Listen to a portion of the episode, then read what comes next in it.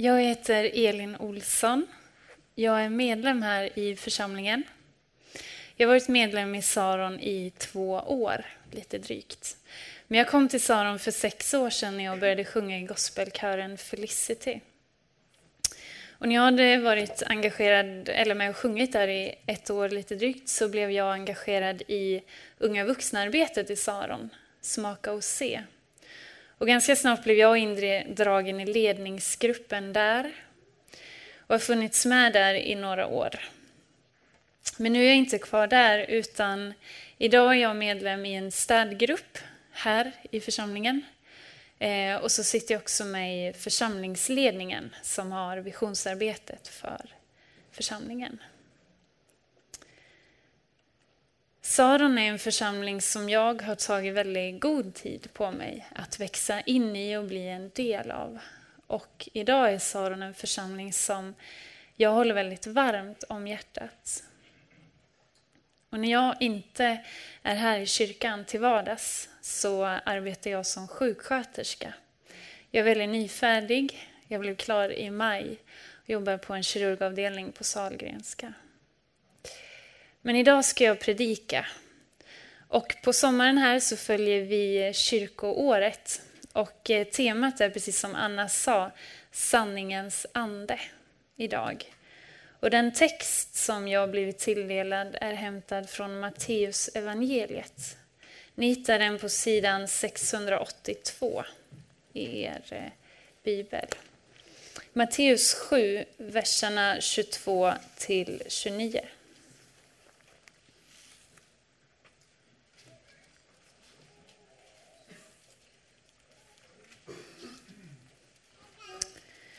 På den dagen ska många säga till mig, Herre, Herre, har vi inte profeterat i ditt namn och drivit ut demoner i ditt namn och gjort många underverk i ditt namn?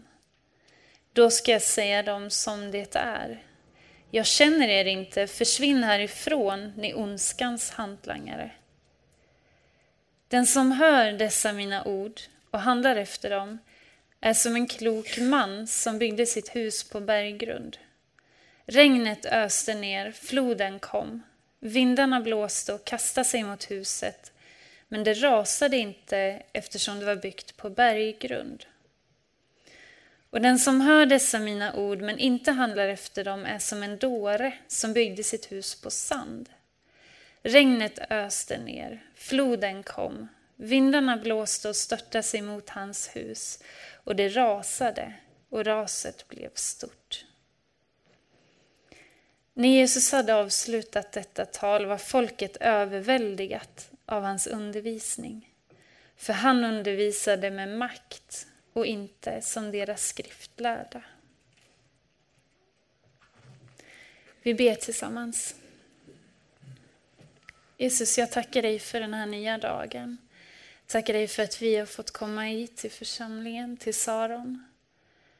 Jag ber att du ska öppna våra hjärtan för dig, Herre det du har att säga. Jag ber att du ska göra ditt verk i oss, Herre.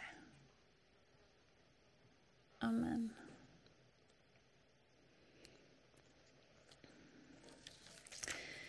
Eh, I min förberedelse för predikan så är det ett ord som har klingat genom hela den här resan. I alla de ord och tankar och eh, saker som jag har läst kring det här bibelordet så är det ett ord som hela tiden har följt mig. Och det är ordet äkthet.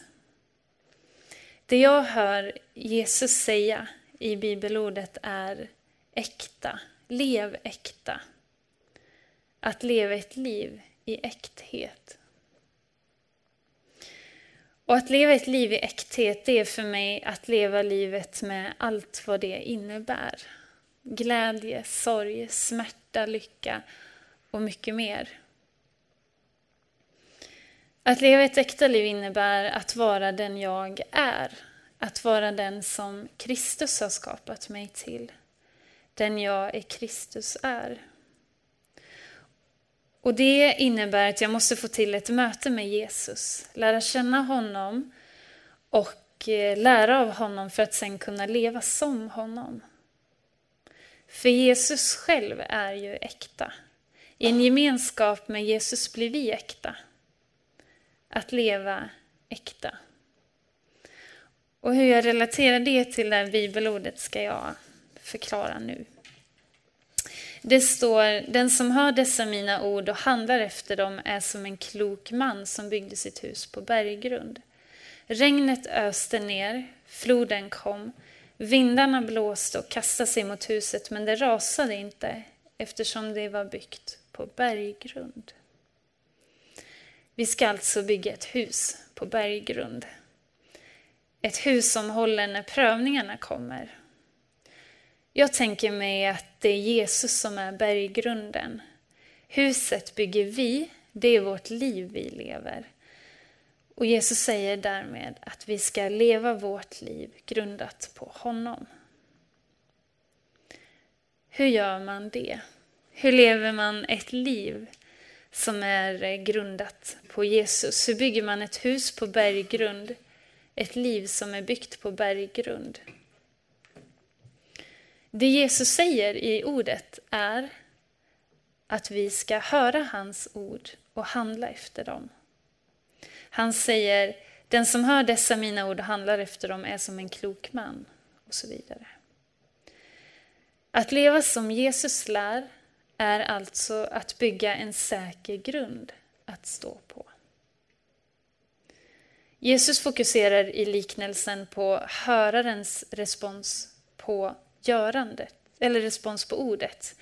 Jesus berättar om två män. Båda männen hör, men det skiljer sig i deras respons på ordet, i deras görande.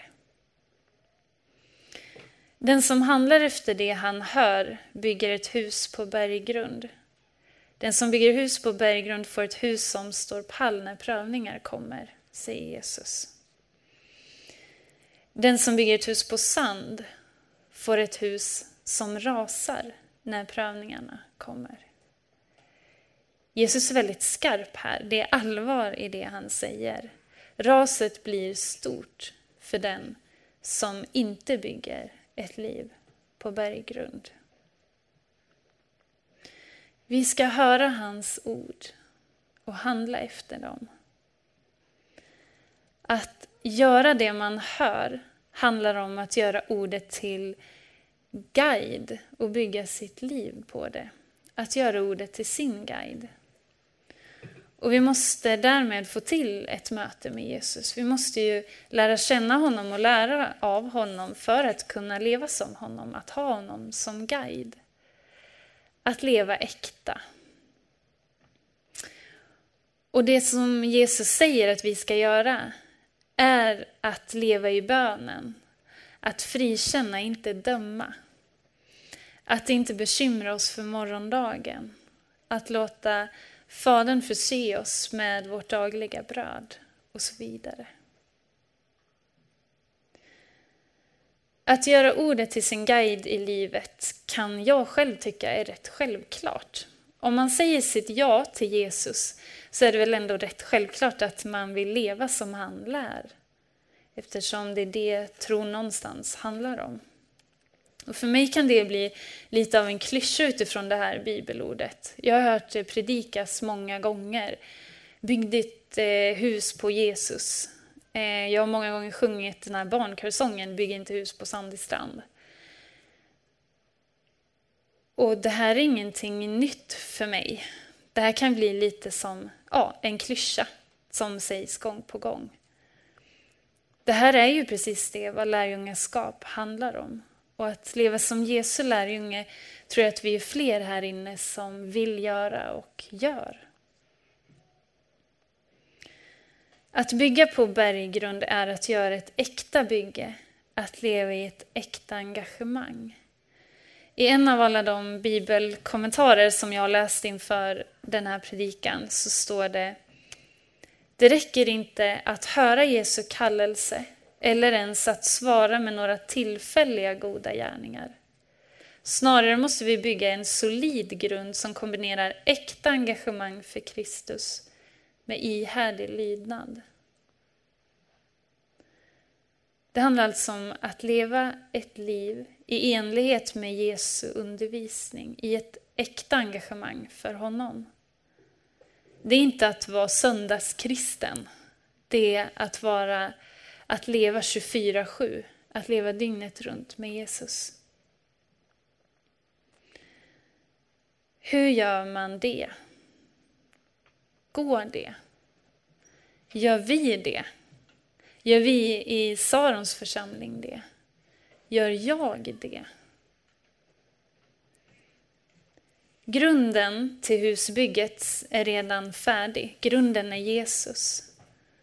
Svaret på hur man bygger ett hus, ett liv med Jesus som grund finns nog redan. Jag tänker mig att det är att vända sig till Jesus varje dag, att leva i bönen, att leva i en församling, att höra Jesu ord och handla efter dem. Det är, det är ju som jag sa tidigare rätt självklart för mig. Det är lite det lärjungaskap handlar om, att leva i lärjungaskap. Och jag tror att det är inte här som Jesus utmanar oss idag. Det är inte i konstaterandet att vi ska bygga ett hus som är grundat på berggrund. Det jag tror Jesus utmanar oss med är hur man verkligen får till det där. Hur man gör för att leva sitt liv i ett äkta engagemang. Gör vi det? När jag kom till Saron för sex år sedan så var mitt svar på frågan om eh, Saron lever ett liv i äkthet ett tydligt nej. Det jag såg när jag kom hit var en församling där människor var perfekta, lyckade, snygga, glada och utan bekymmer och problem. Det jag såg var en församling där jag aldrig skulle passa in med alla de fel och brister som jag har. Och att jag valde att se det i församlingen berodde till stor del på allt det som jag bar med mig när jag kom hit. Jag hade arbetat mig trött på och av ett kyrkligt engagemang några år innan jag kom till Saron. Jag var väldigt arg på kyrkan, jag var bitter på kyrkan. Jag var cynisk. Jag såg just då väldigt lite gott med kyrkan och kyrkligt engagemang. Så det var egentligen inte konstigt att det var den där bilden jag applicerade på Saron som församling. Ändå ville jag tillbaka till det när jag kom hit. Och efter ett år när jag hade rört mig väldigt löst i sammanhanget Saron blev jag indragen i smaka och se-arbetet, i unga vuxna-arbetet. Och där fick jag efter ett tag utlopp för min ilska och bitterhet. Jag fick sätta ord på min frustration över att vi misslyckas med att leva som Jesu lärjungar. Jag fick vara med och skriva en vision för smakarbetet. Och jag fick uttrycka min önskan om att skapa ett sammanhang där människor blir sedda för den som de är. Och jag var arg jag kanske inte var längre så bitter, men jag var arg. Ofta arg. Arg på kyrkan. Arg på sammanhanget. Arg för att jag tyckte att djupet vi har i tron sällan blev synlig. Det som var min drivkraft där och då var den brist jag såg av äktheten i lärjungaskap. Äktheten som ett kristet liv kan innebära. Att jag ska få leva livet med allt vad det innebär, att jag ska få vara den jag i Kristus är, har varit det återkommande temat sedan jag först kom till Saron.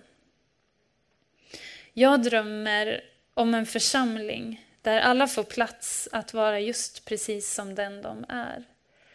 Där vi får vara de som Kristus har skapat oss till att vara.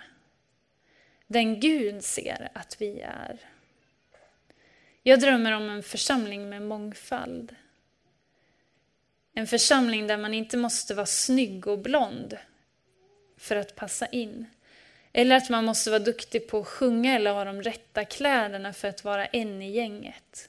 Eller att man måste känna det rätta folket för att vara någon.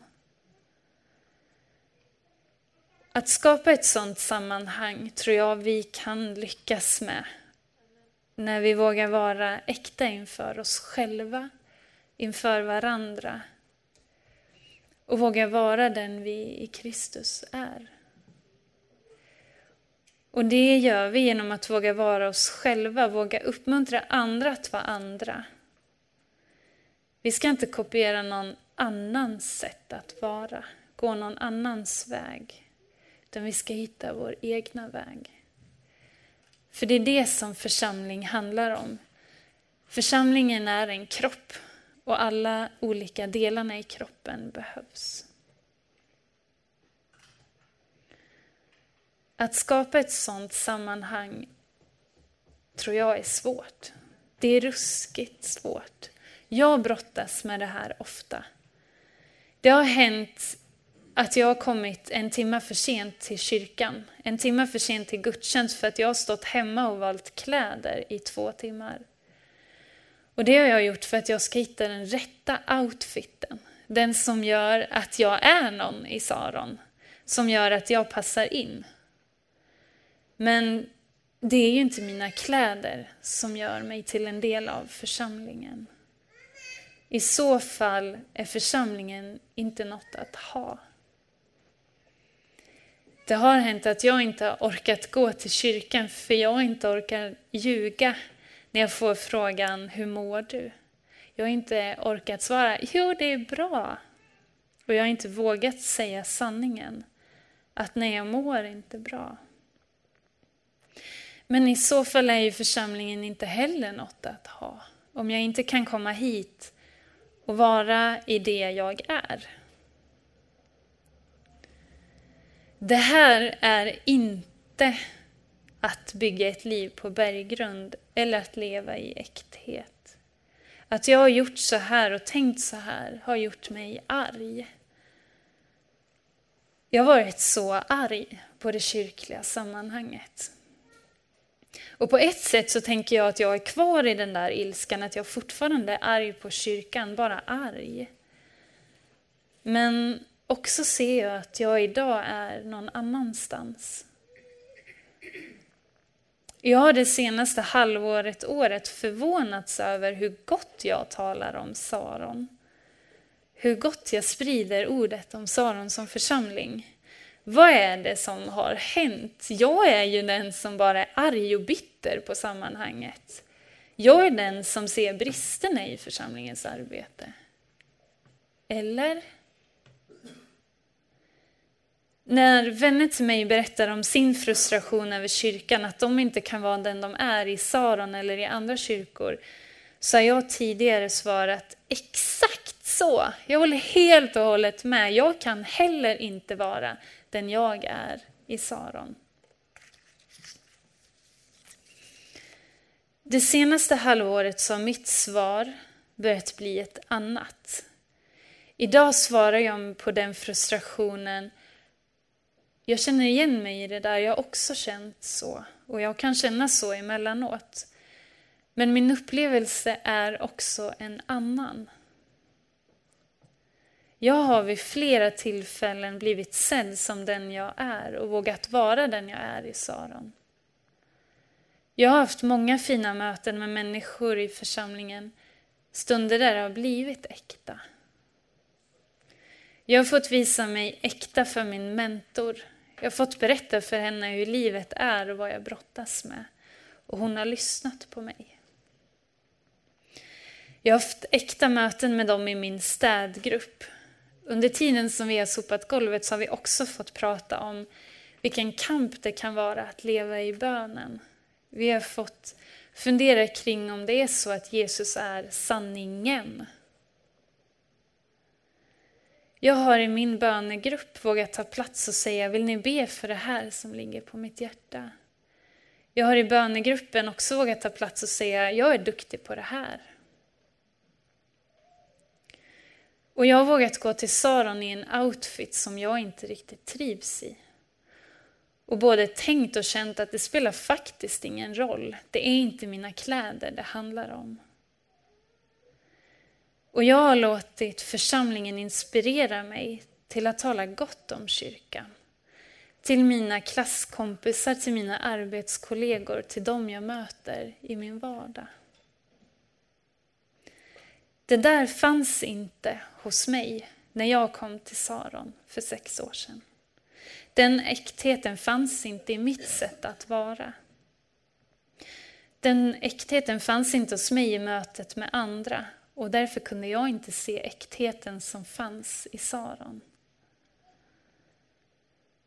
Och i arbetet med den här predikan så har jag läst igenom mina anteckningar från det att jag kom hit fram till idag. Och det jag kan se är att jag faktiskt rör mig mot ett liv i äkthet. Ett liv där jag är äkta mot mig själv och mot andra. Jag tänker mig att det som har hänt är att jag har gjort en resa till att bli he mer hel som människa. Jag har vågat bli äkta i den jag är. Och jag har fått vara i ett sammanhang som är äkta. Ett sammanhang där han som är äkta, där Jesus är synlig. Jag har vågat få utlopp för min ilska. Människor i församlingen har lyssnat till min ilska och tagit mig på allvar. Jag har satt ord på min bitterhet. Jag har vågat visa mig svag för mig själv. Jag har vågat visa mig svag inför andra. Och framförallt så har jag vågat börja se det som är gott. Det fina som Saron som församling har. Och för mig har det här varit ett gigantiskt steg. Det har varit ett riktigt stort steg att ta. Jag har vågat låta något annat än ilskan och bitterheten bli till min drivkraft i mitt arbete i församlingen. Jag sa tidigare att det som var min drivkraft när jag först kom till Saron var den brist jag såg på äkthet i lärjungaskap. Äkthet som ett kristet liv kan innebära. Idag är jag inspirerad för jag har fått se den äktheten. Jag har fått se att den finns i Saron som församling. Och jag drömmer om att den äktheten ska få bli ännu mer synlig. Att vi ska få se ännu mer av vad ett äkta lärjungaskap innebär. Och det här blir synligt för mig när jag öppnar upp och delar livet med andra i min bönegrupp, med min mentor, med en vän efter söndagsgudstjänsten eller med min klasskompis mellan föreläsningarna. När jag bjuder in människor i mitt liv, i allt det som livet är, i glädje, i smärta, i kamp och i det som är lycka, i sorg. När jag vågar vara äkta inför mig själv och andra, då blir det äkta. Då blir hörandet och görandet synligt. Då bygger jag hus på berggrund. Och det enda jag kan förändra i ett liv i äkthet är mig själv, ingen annan. Vad den förändring du i världen vill se är ett ledord i mitt liv. Och man kan tycka att det är pretto, jag tycker det själv. Men också så är det sant. Det är genom mig själv som jag kan förändra. Och det är genom mig själv som jag kan leva ett liv i äkthet. Som min dröm om församlingen blir sann. En människa som är sig själv och lever livet på sitt sätt, den inspirerar andra. Den människa som lever ett liv på sitt sätt inspirerar andra. Och lever vi så, så inspirerar vi varandra. För att stå pall när regnet, floden och vindarna kommer måste jag ha byggt huset på berggrund på mitt sätt. För att stå pall när regnet, floden och vindarna kommer måste du ha byggt huset på berggrund på ditt sätt. Det betyder att leva som den du är, den du i Kristus är. Hur man gör det är att få till ett möte med Jesus, att lära känna honom, lära av honom och leva som honom. Jesus är äkta. I en gemenskap med Jesus blir vi äkta. Att leva äkta.